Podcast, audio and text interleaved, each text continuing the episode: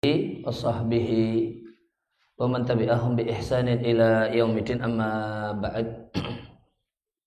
Yang kami hormati Ustaz Muhammad Iqbal hafizallah taala. Demikian juga para asatidah di Pondok Pesantren Al Hidayah Pagelaran Ringsewu eh, rahim uh, hafizahumullahu ajma'in. Kemudian anak-anakku para santri di pondok pesantren ini.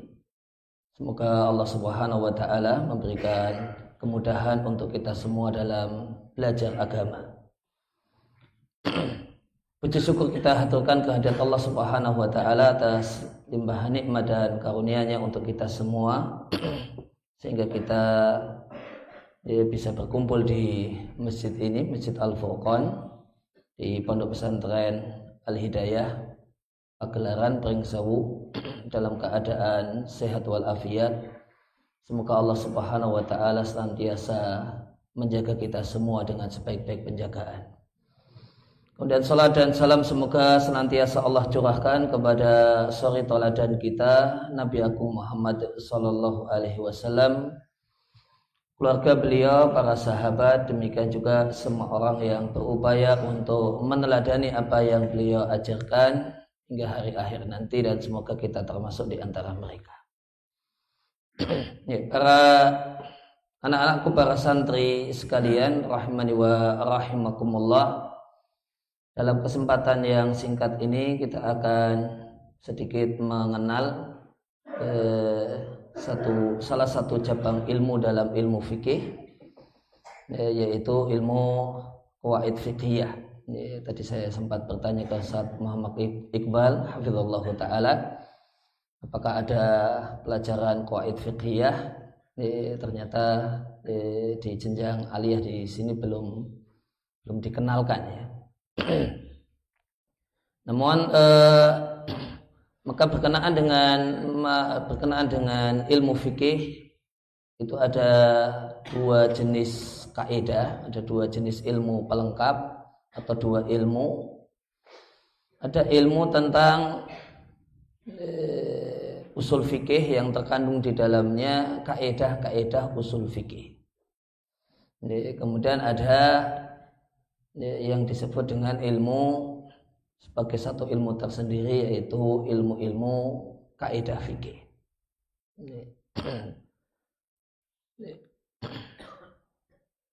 maka sudah uh, ada kemudian misalnya ada uh, di pelajaran usul fikih itu isinya adalah ilmu-ilmu atau kaedah-kaedah usul fikih. Kelas berapa antum mas? Antum kelas berapa? Oh iya. Hmm.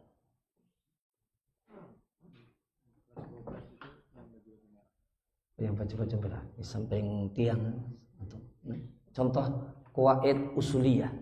Kaidah usul fikih ya antum. Nah ya yang noleh itu. Nah. Iya betul. Contoh kaidah usul fikih satu saja. Hmm?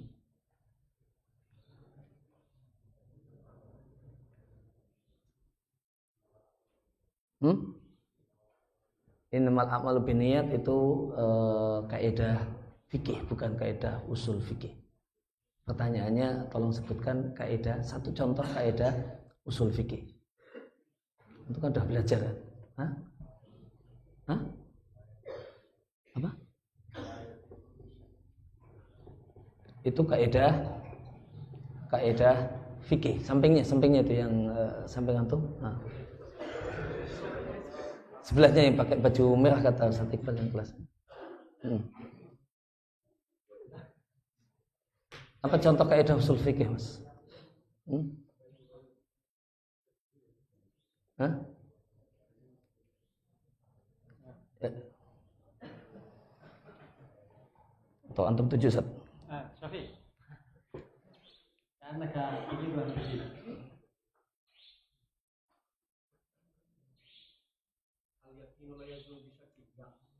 itu kaidah fikih masih sama. Pertanyaannya itu nggak ada di di pelajaran usul fikih itu kan. Kaidah yang ada di pelajaran usul fikih.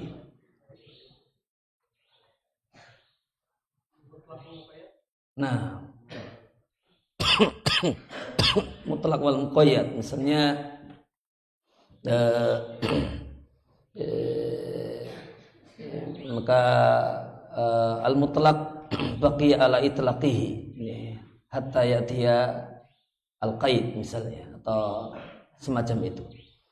Ya, jadi ada kaidah ada kaidah usul fikih ada kaidah fikih. Itu dua hal yang berbeda. Dua hal yang berbeda. Kaidah usul fikih contohnya al amru lil wujub.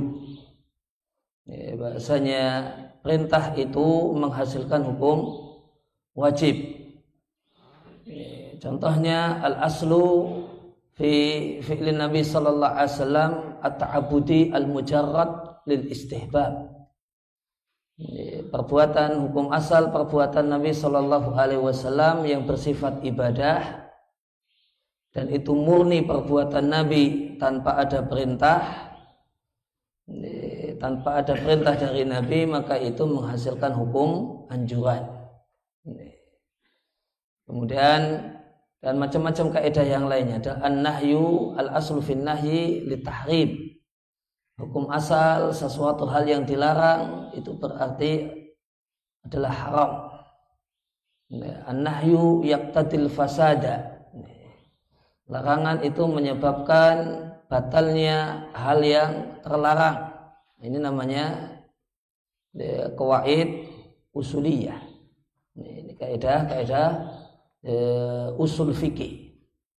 Ada kemudian yang disebut dengan kuwaid fiqhiyah. Kaidah-kaidah fikih. Tadi ada yang disebutkan innamal a'malu binniyat. Kemudian ada tadi menyebutkan ya, misalnya contohnya innamal a'malu binniyat yang bahasa standarnya itu al umuru bimaqasidiha segala perkara tergantung niatnya ada kemudian kaidah tentang apa, eh, perbandingan antara maslahat dan mafsadah. Nah, ini kaidah eh, disebut dengan kaidah fiqhiyah. Nah, apa beda kaidah ini kaidah usuliyah dengan kaidah fiqhiyah. Jadi ada ya, supaya kemudian kita tahu bedanya ya maka kita perlu bahas ya, supaya kita bisa tidak salah sebut ini kaidah usuliyah disebut atau disebut dengan kaidah malah dimasukkan di ketika diminta menyebutkan kaidah usuliyah malah yang disebutkan kaidah fikih nanti malah ketukar lagi e, kaidah fikih malah yang disebutkan kaidah usuliyah Ya, maka apa bedanya? Bedanya beda yang pokok, ya, perbedaan yang pokok. Kalau kaidah usuliyah, ya, kaidah usuliyah itu untuk membaca an-nusus, untuk membaca dalil. Kalau kaidah usul fikih itu sasarannya dipakai untuk membaca, untuk menganalisis nusus syariah, dalil-dalil syariat. Al-Quran, ayat-ayat Al-Quran dan hadis-hadis Nabi. Itu di, uh, itu dianalisis, ditelaah, dibaca pakai kawaid usuliyah. Sedangkan kawaid fiqhiyah atau kaidah-kaidah fikih itu dipakai untuk membaca, untuk mentelaah, untuk menganalisis af'alul mukallafin perbuatan orang. Maka digunakan untuk membaca perbuatan orang, kondisi seseorang. Misalnya kaidah usul fikih al-amru lil wujubi.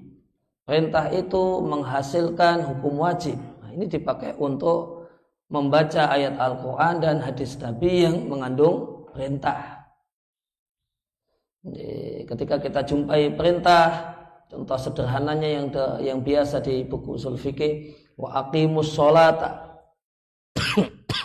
Tegakkanlah sholat. Ini ini di sini ada perintah. Karena dijumpai di sana siratul amr. Siratul amrnya dalam bentuk fi'lul amri. Maka berarti dia perintah. Perintah ini kita analisis dengan karena dengan al-amru lil wujubi. Perintah itu menghasilkan hukum wajib. Ya, maka nanti kesimpulan akhirnya sholat itu hukumnya wajib. Yaitu sholat lima waktu hukumnya wajib. Jadi kaidah usuliyah itu pasangannya adalah nusus syariah. Pasangannya adalah nusus syariah. Dipasangkan dengan itu kemudian nanti akan menghasilkan hukum. Atau kemudian kita jumpai di misalnya tadi perbuatan Nabi. Yang Nabi lakukan itu dalam rangka beribadah dan itu semata-mata perbuatan tanpa diiringi dengan indikator tambahan tanpa diiringi adanya perintah misalnya. Maka itu menghasilkan hukum anjuran. Menghasilkan hukum anjuran misalnya ibunda Aisyah radhiallahu taala anha mengatakan bahasanya karena sallallahu alaihi wasallam yasumu sya'bana kullahu. Nabi sallallahu alaihi wasallam puasa Sya'ban hampir satu bulan. Ya, di sini tidak ada perintah dari Nabi, hanya semata-mata perbuatan Nabi.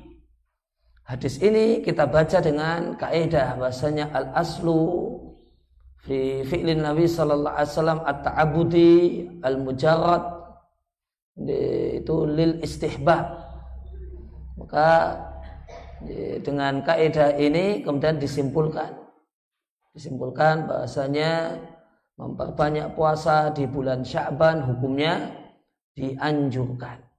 Nah, itu kaidah kaidah usuliyah. Sedangkan kawaid fiqhiyah itu dipakai untuk membaca af'alul mukallafin untuk menganalisis perbuatan mukallaf ada orang yang tersesat di hutan sehingga kelaparan. Sehingga kelaparan sudah lemes sekali. Maka ini keadaan mukallaf. Keadaan mukallaf. Kelaparan, tersesat di hutan, kelaparan. Kemudian menjumpai tidak menjumpai makanan kecuali bangkai maka ini keadaan mukallaf. Dan kita analisis, kita pasangkan dengan kawaid fiqhiyah. Ad-daruratu tubihul mahdurat. Kondisi darurat itu membolehkan sesuatu yang semula hukumnya haram. Maka kemudian kita katakan ya, tidak mengapa baginya memakan bangkai ketika itu. Tidak mengapa baginya memakan bangkai ketika itu. Itu ya, itu nama itu gambaran kawaid fiqhiyah. Jadi supaya hal ini ya sederhana tapi memalukan. Ini sederhana tapi memalukan. Misalnya ya, seorang menyebutkan kaidah kemudian dikasih label kaidah usul fikih mengatakan namun ternyata kaidah usul fikih mengatakan ad-daruratu tibuhul mahdurat nah, itu ya, sepertinya ya, remeh namun memalukan. Ya, karena eh, kaidah eh, kondisi darurat membolehkan hal yang haram dia dikasih label itu kaidah usul fikih. Ini salah ini ini keliru. Atau kemudian ini, sehingga eh, seorang talibul ilmi, seorang penuntut ilmu harus perhatian dengan hal-hal semacam ini. Jadi perbedaan utama kaidah usul fikih dengan kaidah fikih adalah objeknya. Ini adalah objek sasarannya. Kalau objek sasaran dari kaidah usul fikih itu nusus syariah. Teks syariat. Yaitu ayat-ayat Al-Quran dan hadis-hadis Nabi. Sedangkan objek sasaran dan objek penggunaan kawaid fiqhiyah adalah af'alul mukallafin perbuatan mukallaf. Sehingga dalam uh, dalam prakteknya dalam prakteknya baik baik kaidah usuliyah ataupun kawaid atau kaidah fiqhiyah itu digunakan untuk menentukan hukum kaidah usuliyah dan kaidah fikih itu digunakan untuk menghasilkan hukum. Hanya saja bedanya kaidah usuliyah itu ditambah dengan teks syariat, ayat Al-Quran dan hadis Nabi sama dengan hukum. Sama dengan hukum kaidah usul fikih ditambah teks ayat Al-Quran atau teks hadis Nabi nanti sama dengan hukum. Sedangkan yang satunya kaidah fikih perbuatan mukallaf atau kondisi mukallaf, kondisi orang ditambah kaidah fikhiyah akan menghasilkan hukum. Nanti akan menghasilkan sebuah hukum Sebagaimana contoh tadi ada kondisi orang yang kelaparan, tersesat di tengah hutan dan tidak ada menjumpai makanan kecuali bangkai. Ditambah dengan kaidah fikih ad-daruratu tubihul mahdurat kondisi darurat itu membolehkan hal yang haram yang semula haram maka menghasilkan hukum boleh baginya diperbolehkan baginya mengkonsumsi bangkai ketika itu. ya, kemudian berkenaan dengan kawaid ya, ya ada kawaid yang status induk. Ada kaidah-kaidah kaidah fikih yang statusnya adalah induk dalam kaidah. Dan ada kaidah-kaidah fikih yang statusnya kaidah turunan. Bukan kaidah induk. Kaidah induk kaidah fikih yang statusnya yang sifatnya ada induk itu ada lima. Kaidah fikih yang statusnya adalah kaidah induk itu itu Cek itu siapa sih? Yang dekat tembok, ah, dekat ini. Oman mana? Oh. Ah. Ya mas, uh, tadi ada pertanyaan mas, ada kaidah fikih yang man semua. Sama? Ah, Kadafi Sama sih? Kadafi. Kadafi. Mas Kadafi. Uh, kaidah fikih yang induk ada berapa kaidah mas? Ya, ada lima kaidah. Ini ada lima kaidah. Ini kaidah induk ini diterima dan dipakai oleh semua madhab. Lintas madhab. Nanti kalau kaidah turunan itu satu madhab dengan madhab yang lainnya itu bisa berbeda. Tapi kalau e, kaidah induk ini, lima kaidah induk ini dipakai, diakui, diterima oleh semua madhab. Empat madhab itu menerimanya semua, memakainya semua. Ini ada lima kaidah induk. Yang pertama, yang pertama adalah kaidah ya, al umuru bimaqasidiha ya, segala perkara itu tergantung maksudnya. Ya, tergantung maksud pelakunya. Ya, dalil kaidah sebagaimana sudah ma'ruf ya. Innamal a'malu binniyat wa innamal likulli imri'in ma nawa. Kemudian kaidah yang kedua ya, al yakinu la yuzalu bisyakki ya, hal yang yakin itu tidak bisa dihilangkan dengan semata-mata ragu-ragu.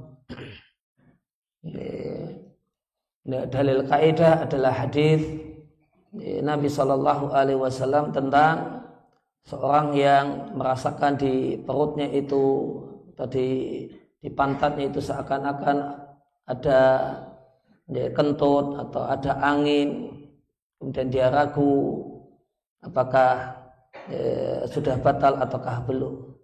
Eh, maka Nabi Shallallahu Alaihi Wasallam menyampaikan bahasanya dia tidaklah batal, eh, sholatnya tidak batal, hatta yajida eh, rihan sampai dia yakin dengan menjumpai dengan menjumpai ada bau kentut atau kemudian menciumnya. Ya, maka di situ kemudian diambil kaidah al yakinu la yuzalu bisyakki. Hal yang yakin ini tohara tidak boleh ditiadakan dengan semata-mata keraguan-raguan. Kemudian kaidah yang ketiga ya, ad-dararu yuzalu. Ya, segala bentuk bahaya itu ditinggalkan, itu dihilangkan. Berdasarkan hadis di antaranya di antara alasannya adalah la darara wa la tidak boleh melakukan hal yang berbahaya. Kemudian yang keempat ini ada kaidah yang mengatakan al masyaqqatu tajlibut taisir. Kondisi sulit itu menjadi sebab adanya berbagai macam kemudahan dalam syariat. Di antara dalilnya yuridullah bikumul yusra wala yuridu bikumul usra. Allah Subhanahu wa taala menginginkan kemudahan untuk kalian dan tidak menginginkan kesulitan untuk kalian. Kemudian kaidah yang terakhir yang kelima adalah kaidah yang mengatakan al-adatu muhakkamatun. Rasanya tradisi dan budaya masyarakat itu dipertimbangkan dalam menetapkan hukum. Di antara dalilnya wa'ashiruhunna bil ma'ruf. Bergawilah istrimu dengan layak sesuai dengan ya, budaya yang ada. Nah, itu uh, disebut dengan kuwait fiqhiyah al-kubro. Itu nama standarnya dalam bahasa Arab kuwait fiqhiyah al-kubro. Atau terjemah bebasnya kaidah fikih yang bersifat induk kaidah induk dalam kaidah-kaidah induk dalam fikih. Ini dipakai oleh lintas madhab. Semua madhab memakainya. Dan nanti di masing-masing uh, kaidah induk ini punya anak, punya turunan. Dan di turunan ini bisa jadi uh, bisa saja ada di menjadi satu kaidah di satu madhab namun tidak diterima oleh madhab yang lain.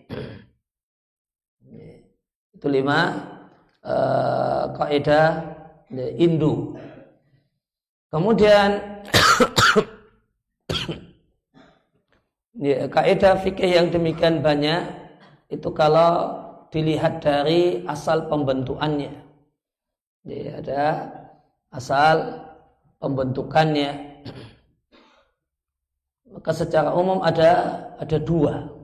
Di kaidah fikih itu kalau dilihat dari asal pembentukannya gimana cara terbentuknya kaidah fikih maka ada yang pertama kaidah fikih yang itu berasal dari nas. Kaidah fikih yang asalnya adalah nas atau gabungan dari berbagai macam banyak nas. Maka ada kaidah fikih yang berasal dari nas atau isi nas. Contohnya tadi kaidah pertama. Al-umuru bimaqasidiha ya, maka dia berasal dari hadis Nabi, isi dari hadis Nabi, innamal a'malu binniyat. Kemudian ada kaidah uh, ya, ada kaidah yang mengatakan al-ghunmu bil ghurmi. Al-ghunmu bil ghunmi. Keuntungan itu menjadi hak seseorang ketika dia menanggung kerugian. Seorang itu berhak untuk mendapatkan keuntungan kalau dia itu memiliki berpeluang untuk menanggung kerugian.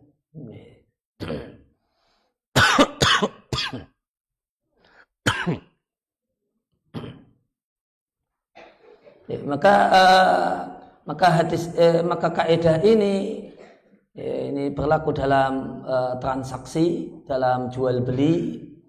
Uh, seorang itu berhak untuk mendapatkan keuntungan. Ya, keuntungan ya, jual bisnisnya itu sah manakala dia eh, punya kemungkinan untuk rugi untuk menanggung kos menanggung beban maka ini juga asalnya adalah uh, satu hadis Nabi Shallallahu Alaihi Wasallam. Atau kemudian dari kumpulan uh, ada kumpulan hadis atau kumpulan nas. Nanti kemudian dihasilkan satu kaidah semacam al masyaqqatu tajlibut taisir. Kondisi Eh, sulit itu menghasilkan dan menyebabkan adanya kemudahan. Eh, eh, ini adalah gabungan dari banyak hadis tentang ruhsah. Nah, ayat Al-Quran, hadis Nabi tentang masalah ruhsah, adanya keringanan-keringanan. Kemudian banyak dalil tentang bahasanya Eh, di antaranya tadi saya sampaikan yuridullah bikumul yusra wala yuridu bikumul usra. Allah menginginkan kemudahan dan tidak menginginkan kesulitan bagi kalian. Ini jadi eh, dari kumpulan banyak dalil eh, maka ditelurkan dan dihasilkan satu kaidah. Kemudian kaidah fikih jenis yang kedua. Kaidah fikih Jenis yang kedua itu bukan dari dari isi satu hadis atau isi satu nas atau kumpulan dari nas namun adalah kesimpulan dari berbagai macam hukum fikih. Ini ada hukum fikih, ada hukum fikih, ada hukum fikih, ada hukum fikih, ada hukum fikih. Ya, semuanya memiliki kesamaan. Semuanya memiliki kesamaan. Maka daripada repot ngapal satu-satu, daripada repot menghafal satu-satu, maka dibuat simpulan dari kesamaan-kesamaan tersebut. Maka dia adalah Ya, jadi kesimpulan dari berbagai macam produk hukum, dari berbagai macam fatwa imam, fatwa ulama, bukan diambil dari nas, namun diambil dari fatwa, diambil dari ya, produk-produk hukum yang ada.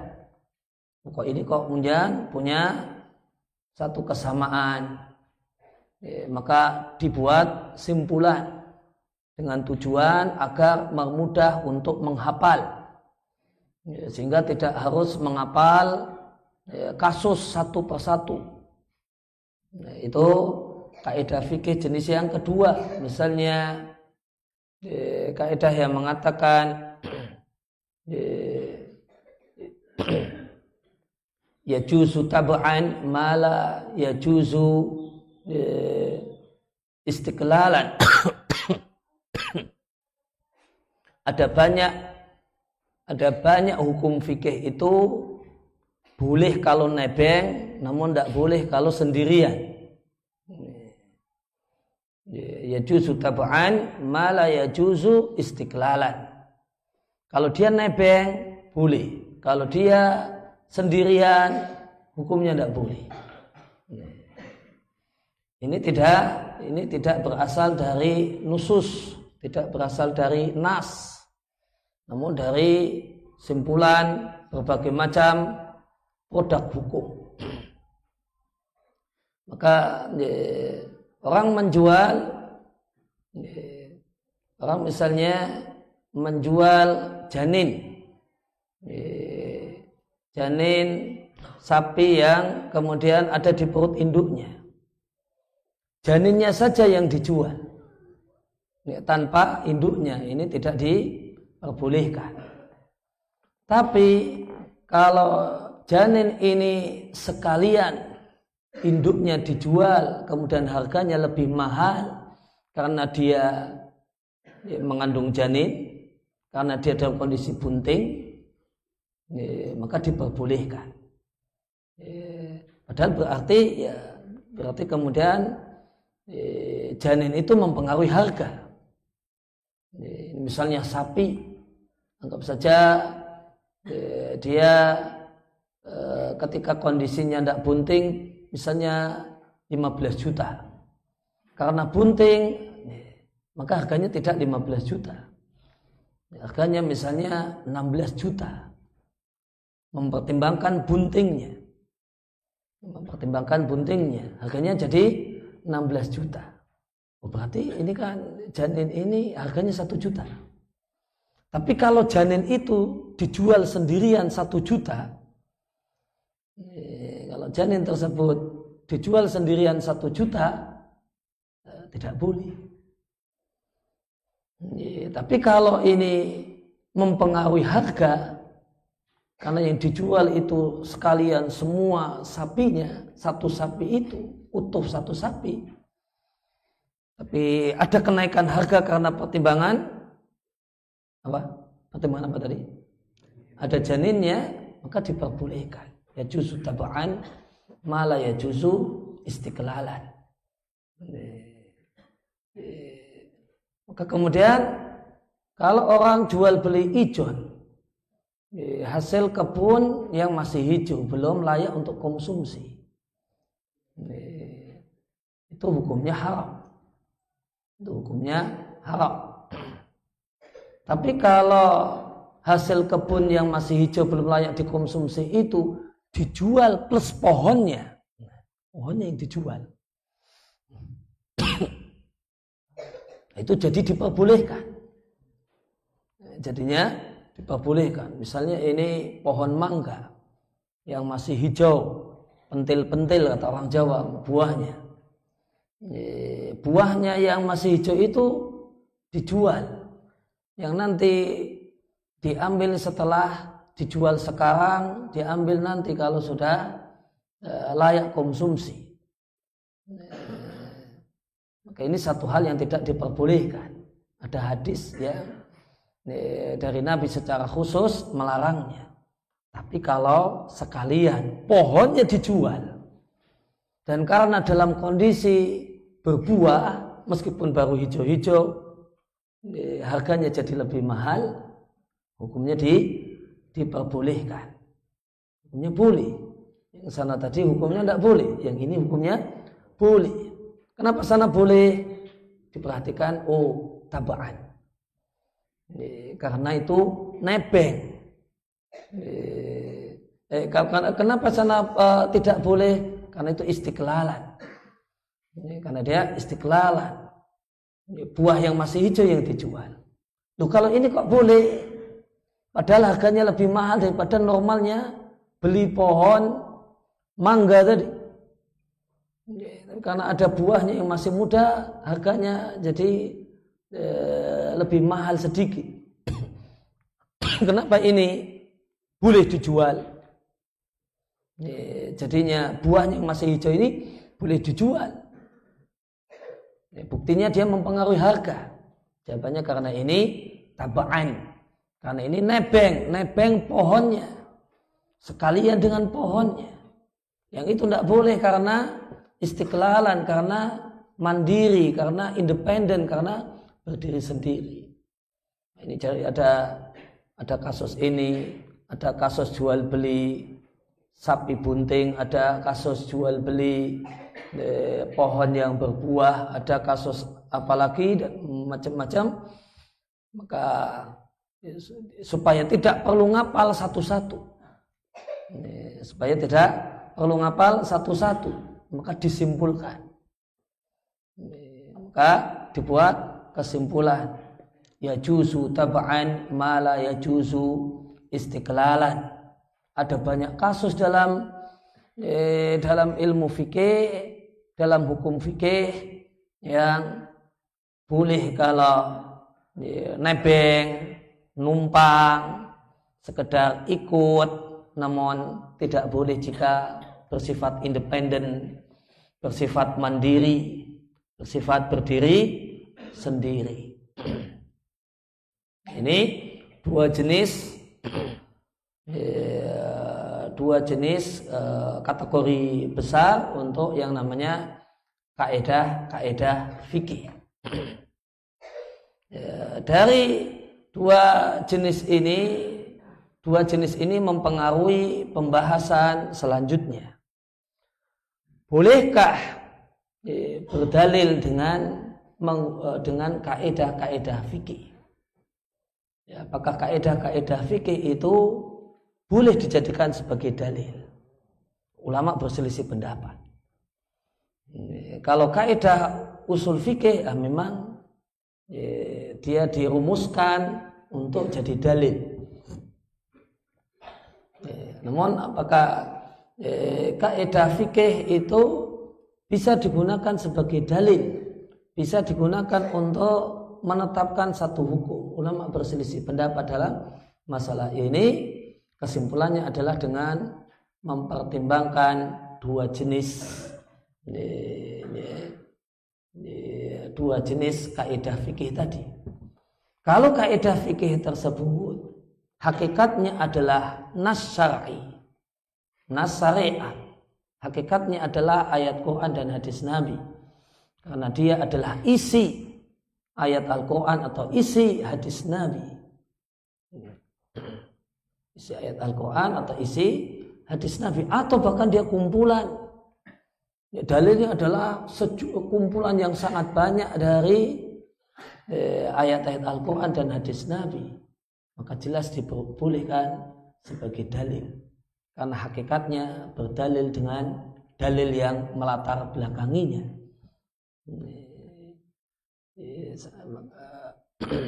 Maka pada hakikatnya berdalil dengan berbagai macam dalil yang melatar belakanginya. Kita berdalil dengan ad-darau yuzal. Ad-darau yuzal. Maka hakikatnya kita berdalil dengan sejumlah hadis, sejumlah ya, sejumlah dalil yang menjadi landasan bagi dalil ini. Kemudian yang jadi problem itu untuk kaidah fikih jenis yang kedua. Kaidah fikih yang hakikatnya adalah eh, dirumuskan dari eh, kumpulan-kumpulan produk hukum fikih. Apakah kemudian Eh, boleh dijadikan sebagai dalil? Uh, jawaban yang tepat dalam masalah ini uh, jawabannya boleh. Dan pendalilan ya, pendalilan dan namun hakikatnya namun hakikatnya adalah berdalil dengan kias. Ini hakikatnya berdalil dengan kias. Maka kaidah fikih jenis yang kedua yang merupakan kumpulan produk-produk fikih itu hakikat hakikat dari kaidah tersebut itu adalah ilah yang ada di semua produk hukum yang menjadi cakupan atau yang menjadi latar belakang dari kaidah tersebut. Ada produk hukum A. Di kasus misalnya tadi dua contoh kasus tadi kasus masalah jual beli janin. Ini kenapa demikian beda? Ini boleh, yang itu tidak boleh. Padahal sama-sama janin. Apa alasannya? Apa ilahnya? Alasannya karena ya justru tabaan malah ya justru istiqlalan. Dalam jual beli ya, hasil pertanian atau hasil perkebunan yang belum layak konsumsi, yang itu boleh, yang itu tidak boleh. Apa pertimbangannya? Pertimbangannya apa ilahnya? Apa alasan yang mendasari ini boleh, itu tidak boleh. Apa yang mendasarinya? Ya justru tepaan malah ya justru istiqlalan. Berarti itu dia ilahnya, dia alasan hukumnya. Maka hakikatnya adalah ya ada alasan-alasan hukum itu dikumpulkan jadi satu, kemudian dirumuskan menjadi satu kaidah fikhiyah. Sehingga bolehkah orang beralasan berhujah dengan kaidah jenis ini? Jawabannya boleh. Dan itu mimbab al-ihtijat bil qiyas. Itu adalah pada hakikatnya adalah berdalil dengan kias. Ketika kita jumpai kasus yang lainnya, kita jumpai kasus yang lainnya yang terkandung padanya. Ya kemudian terkandung padanya hal ini maka diperbolehkan. Maka dibolehkan untuk dipakai. Maka bisa dijadikan sebagai alasan dan pertimbangan semacam misalnya kita jumpai di penjelasan dari Syekh Ibnu Thaimin rahimallahu taala tentang hukum gambar. Tentang hukum gambar. Gambar manusia gambar hewan.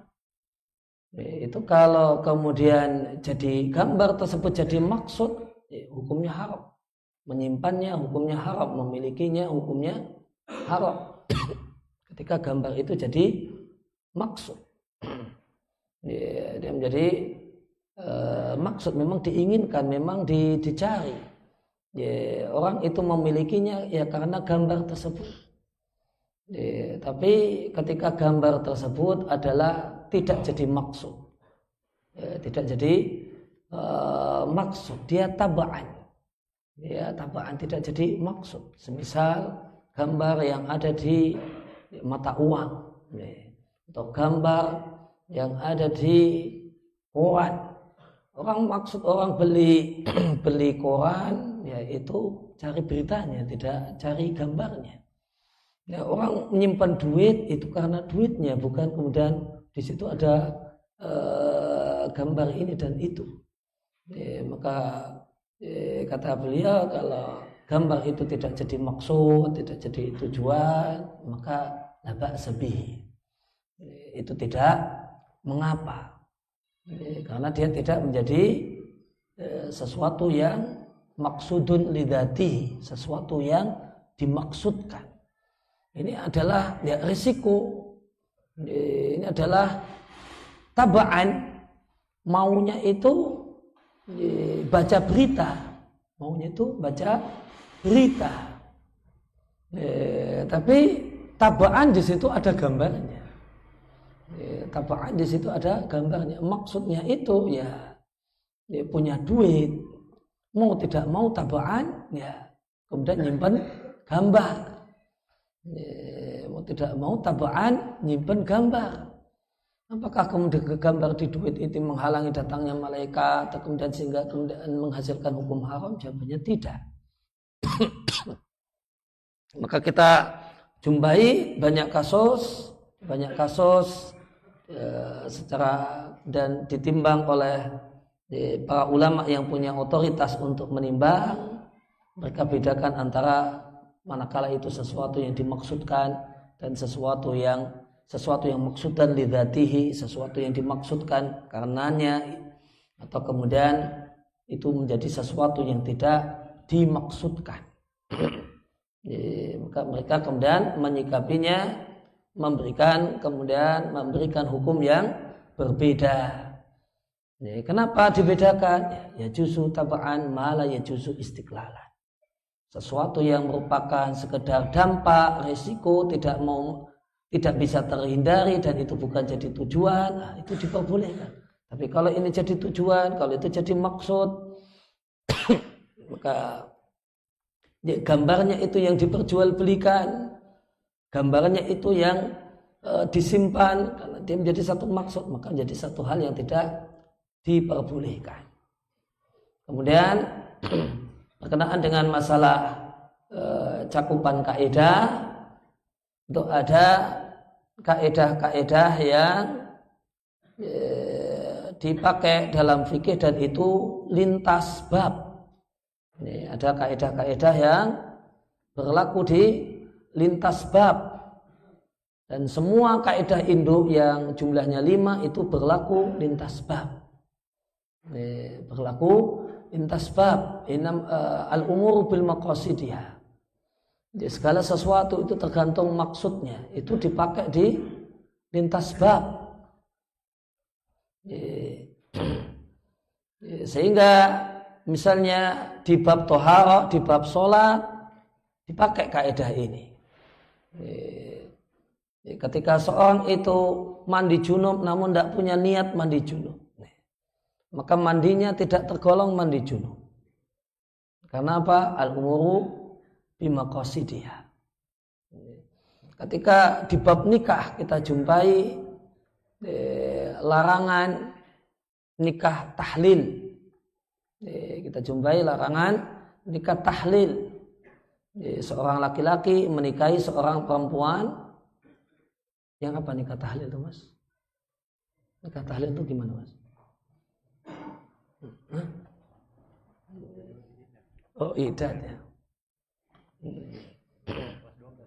ya kelas 12 ini yang ini yang siapa ini dekat kamera atau belakang kamera ya.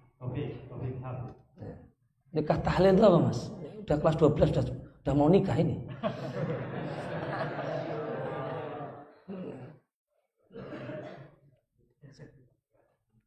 Mas Taufik apa itu nikah tahlil? Usah merancang untuk sekian tahun lagi mau nikah, masa belum tahu apa itu nikah tahlil.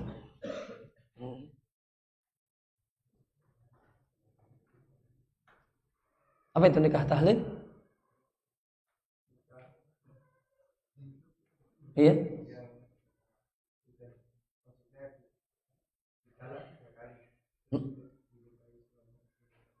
Terus dinikahi siapa? Dinikahi siapa? Suami yang mentalaknya tiga?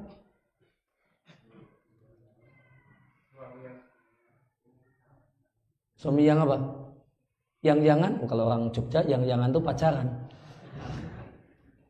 Kalau bahasa Jawanya orang Jogja, yang jangan itu pacaran.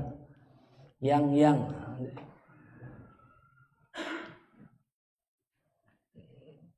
Yang apa?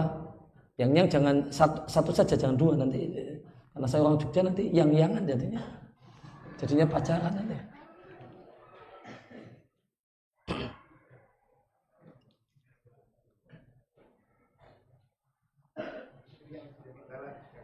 Iya, terus?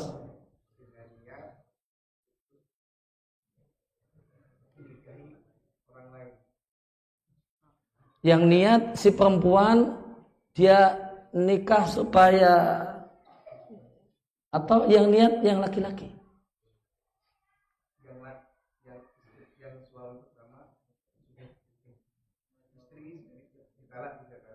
Mm -mm.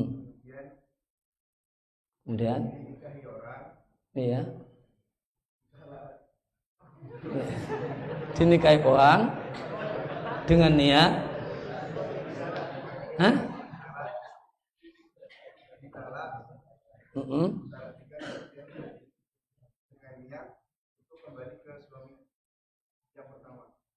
yang yang kemudian yang niat siapa?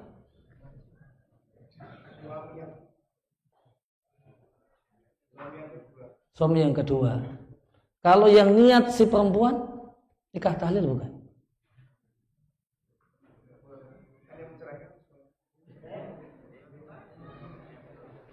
Kalau perempuan yang sudah ditalak talak tiga, kemudian dia menikah dengan seorang laki-laki yang lain bukan uh, bukan lelaki yang pertama, dan niat dia itu supaya bisa kembali niat si perempuan itu supaya bisa kembali kepada suami yang pertama. Nikah tahlil bukan? Hmm? Untuk kayaknya konsultasi sama sampingnya, coba sampingnya yang mbak. Siapa saat namanya?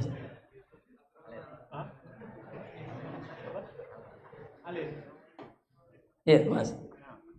Gimana? Sampingnya Iya. Nik, bukan nikah tahlil. Kalau nikah tahlil yang bagaimana? Yang niat suami. Nah, ahsan tuh. Syarat nikah tahlil itu yang niat yang berniat untuk uh, yang berniat adalah laki-laki yang kedua. Yang berniat adalah laki-laki yang kedua. Kalau yang berniat itu perempuan, dia mau ini saya udah talak tiga, saya mau kawin nanti rencananya saya akan berusaha supaya cerai sampai saya kembali kepada suami pertama dia mau niat kayak gitu tidak masalah. Dan itu tidak tidak menyebabkan pernikahannya jadi nikah tahlil. Ya, tidak menyebabkan ya, pernikahan yang terjadi nikah tahlil. ya, nikah tahlil itu harus untuk disebut nikah tahlil itu harus niat laki-laki yang kedua kalau niatnya perempuan itu tidak mempengaruhi. Tidak mempengaruhi. Yang mempengaruhi adalah niat laki-laki yang kedua ini. Apa tujuan dia, apa niat dia menikahi perempuan yang sudah uh, sudah dapat talak tiga. Apakah dia uh, niatnya itu rohbah, cinta, maka sehingga jadilah itu uh, nikah rohbah ya, nikah karena cinta, karena jatuh cinta, nah, maka itu boleh. Ataukah kemudian nikahnya ini dalam tanda kutip untuk menolong supaya ya, suami itu bisa suami yang dulu bisa ngelamar lagi atau perempuan ini bisa kembali kepada suaminya yang terdahulu. maka nikah nikah tahlil itu di uh, hukumnya haram karena melihat niat. Anda melihat niat al-umuru bimaqasidiha.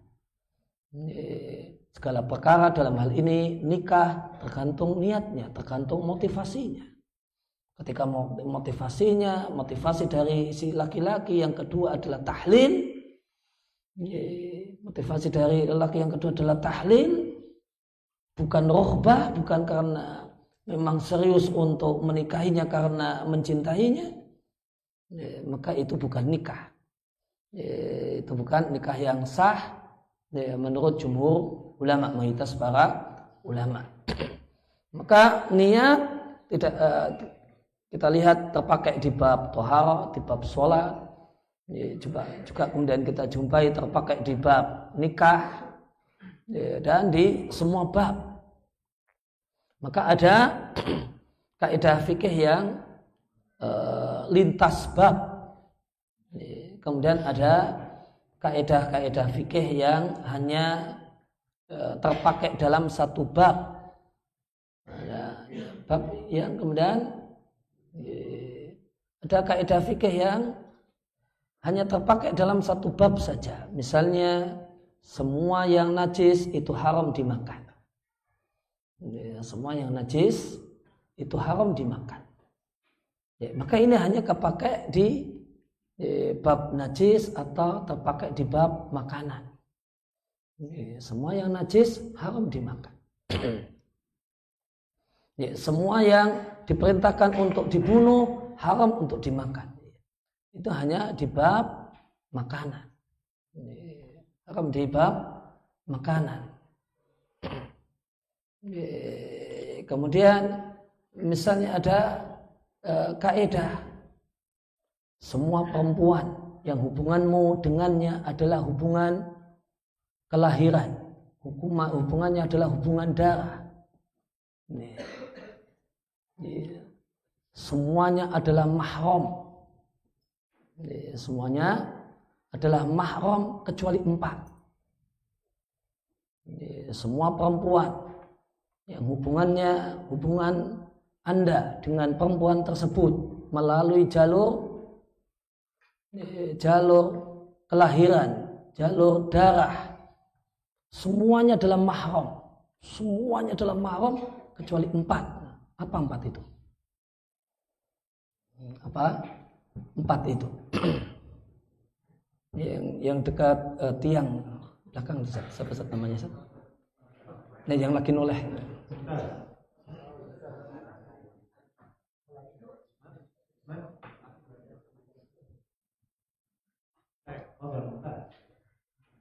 Ya. Sepupu. Apa itu yang dimaksud sepupu?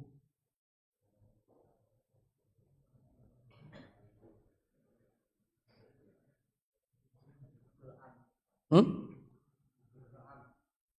Ibnu Ab. Kok Ibn? Ini kita bahas perempuan nih. Bintul Am sama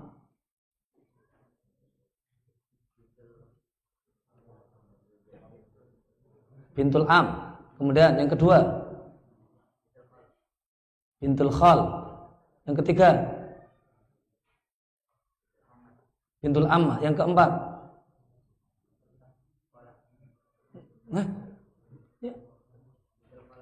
ini maka mahal. Selain empat ini semuanya mahal.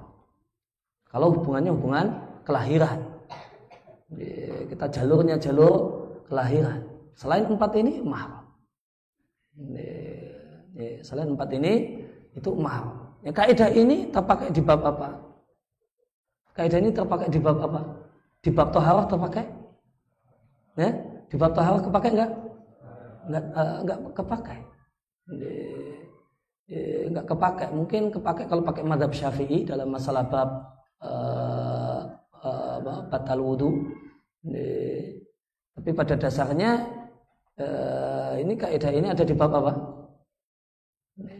Ada di bab apa? Bab nikah. Hanya di bab nikah. Pada dasarnya ini bab nikah.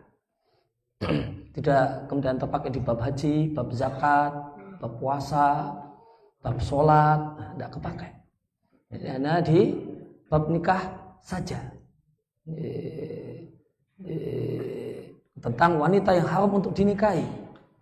Maka kalau hubungannya adalah hubungan darah, hubungannya hubungan darah, maka semuanya haram dinikahi kecuali empat. Dia anak paman atau anak bibi baik dari jalur ayah ataupun dari jalur ibu. Ya, namun perlu diketahui dalam fikih yang namanya paman, yang namanya paman itu adalah saudaranya usul. Yang namanya paman itu saudaranya usul. Semua yang statusnya usul, saudaranya itu namanya paman. Kalau perempuan namanya bibi. Sehingga saudara laki-laki kakek itu apa namanya secara fikih? Saudara eh, laki-laki kakek, kakek saya, saudara laki-laki kakek saya itu apa namanya tadi? Hah? Am, namanya paman. Saudara perempuan mbah buyut saya itu namanya apa?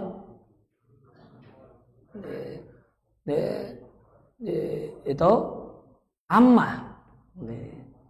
Jadi yang namanya paman atau bibi itu tidak hanya saudaranya ayah ataukah ibu, namun saudaranya usul. itu semuanya adalah paman atau bibi. Sehingga anaknya itu namanya anak-anak paman atau anak uh, anak bibi. Ini kaidah ini hanya berlaku dalam eh, kaidah ini hanya berlaku di bab nikah saja. Sebaliknya, pasangannya, pasangan dari kaidah tersebut. Semua perempuan yang hubungan antara kita dengan dia adalah melalui jalur perkawinan. Itu semuanya itu bukan mahram kecuali empat.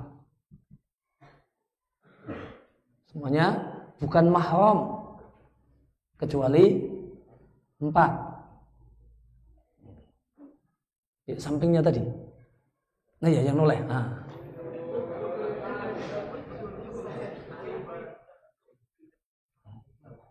Siapa Ustaz?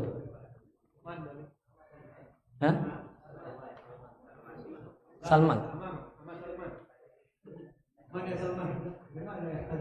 Nah.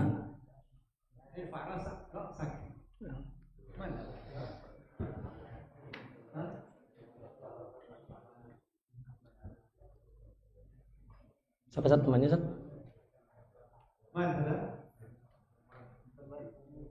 Ah, Ummu Zauja satu.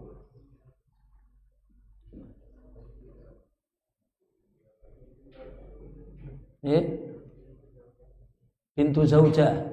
Nah, namanya apa? Rabibah. Terus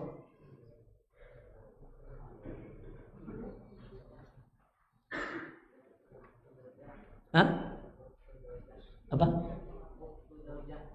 Waktu zauja. Lah.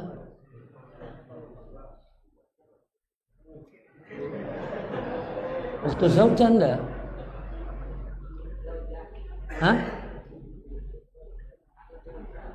Hah? Zaujatuman.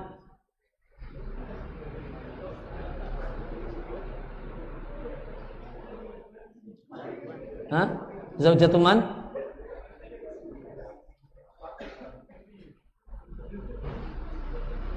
Hah?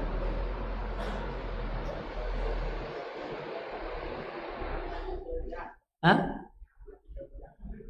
Matu zauja? Enggak. Tinggal zaujatuman, zaujatuman, zaujatuman.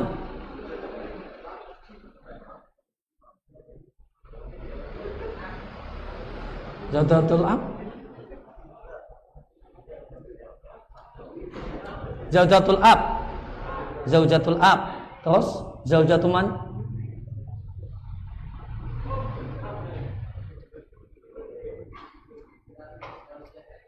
Zaujatul ibn Ahsan tuh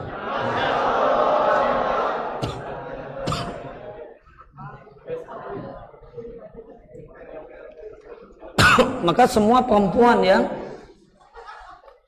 Hubungan antara kita dengan dia itu pakai jalur perkawinan. Itu semuanya bukan mahram. Kecuali empat. Hanya empat ini. Kalau tidak termasuk ini, bukan mahram. Ya, itu ya, nah, tadi ummu zaujah, ibu mertua. Atau kemudian bintu zaujah, anak tiri. Atau zaujatul ab, istri bapak. Istri bapak. Bapak nikah lagi atau bapak punya istri yang kedua. Ya, ibu tiri. Ibu tiri. Kemudian zaujatul ibn menantu maka kalau zaujatul am istrinya paman itu bukan mahal istrinya paman itu bukan mahal karena dia tidak termasuk empat. Kalau kemudian ada janda punya anak perempuan, nikah dengan duda punya anak laki-laki, apakah anak janda dengan anak duda ini mahram? Apakah mahram? Tidak. Kenapa? Kenapa? Karena tidak termasuk empat. Karena tidak termasuk empat. Yeah anaknya janda, anaknya duda, bapak ibunya nikah, bolehkah anaknya nikah? Bolehkah anaknya nikah? Boleh. Boleh. Karena hubungan anak janda sama anak duda ini hubungannya hubungan apa? Hubungannya pakai jalur apa? Jalur perkawinan atau jalur kelahiran? Jalur perkawinan. Dia ini punya hubungan sama ini ya karena bapaknya nikah sama ibu orang ini. Karena bapaknya nikah dengan ibu orang ini, maka dia punya hubungan. Tapi hubungannya hubungan perkawinan. Kaidah mengatakan semua perempuan yang hubungannya adalah hubungan perkawinan itu bukan mahram, boleh dinikahi kecuali empat. Cuma empat ini saja. Dan ini nggak termasuk empat, ya nggak? Ya, anak si janda, anak si duda tidak termasuk empat, sehingga bolehkah nikah? Jawabannya boleh. Bolehkah nikahnya bareng? Bolehkah nikahnya bareng? Hah? Boleh tidak? Boleh, nikahnya bareng boleh. Jadi bapak sama ibunya nikah habis itu langsung dilanjutkan kau hanya sekalian? Anaknya sama anaknya nikah. Terus walimatul urusnya bareng boleh nggak? Walimatul urusnya bareng boleh nggak? Boleh. Sudah ngirit sekalian efektif dan efisien. Ya demikian. Yang kita uh, kaji kita bahas kesempatan pagi hari ini. Ya mudah-mudahan Allah jadikan sebagai ilmu nafi, ilmu yang bermanfaat untuk saya pribadi dan uh, hadirin sekalian. Terima kasih atas kehadiran dan perhatian. Mohon maaf atas segala kekurangan.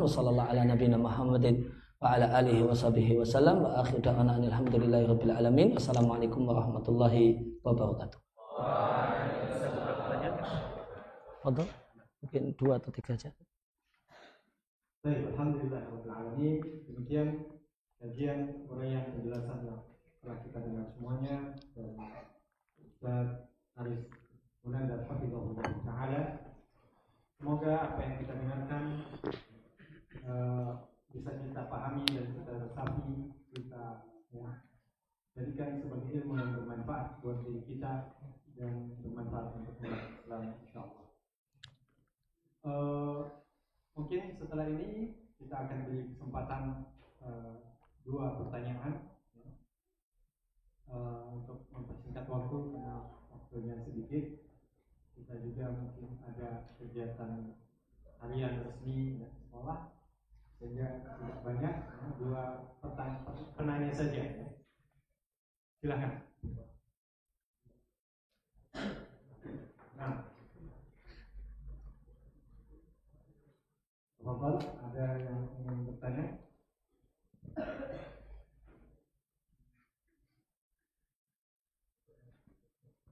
Nah,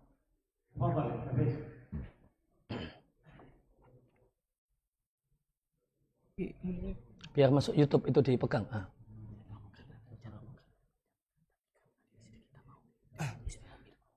Uh, Bismillah.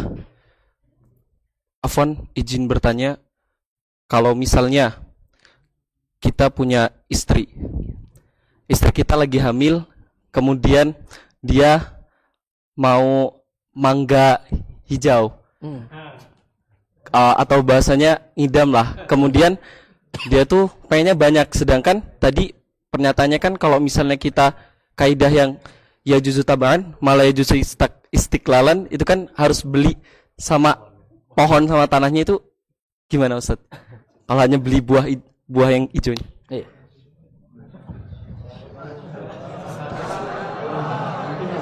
Iya. Ya, jadi uh, jual beli ijon itu Nabi larang, ya, jual beli ijon itu Nabi larang, ya, tidak diperbolehkan dan boleh dalam dua keadaan. Dan boleh dalam dua keadaan. Yang pertama tadi yang sudah saya sebutkan, yaitu langsung yang dibeli bukan hanya buahnya namun langsung pohonnya. Ya, langsung pohonnya atau bahkan plus tanahnya misalnya. Misalnya ijon padi. Ya, padinya masih hijau. Ada satu petak. Padi masih menghijau.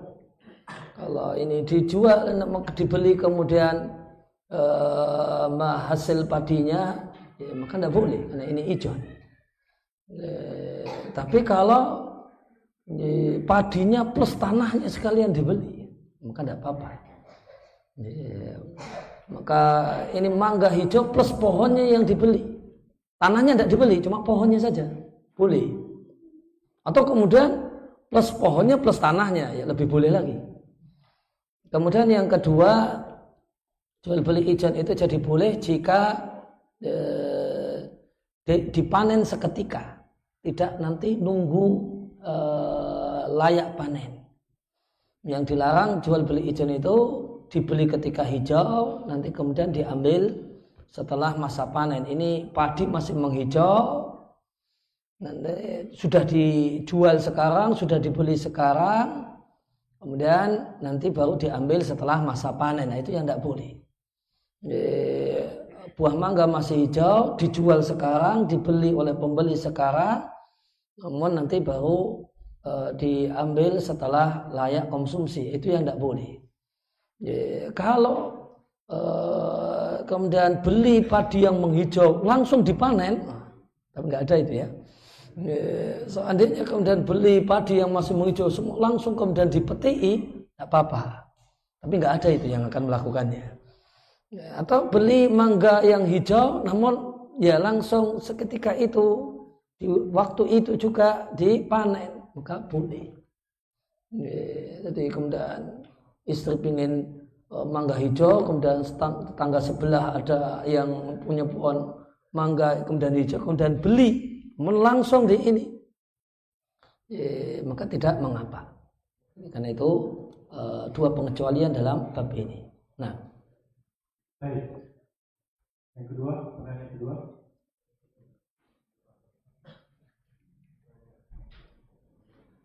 Silakan. Nah,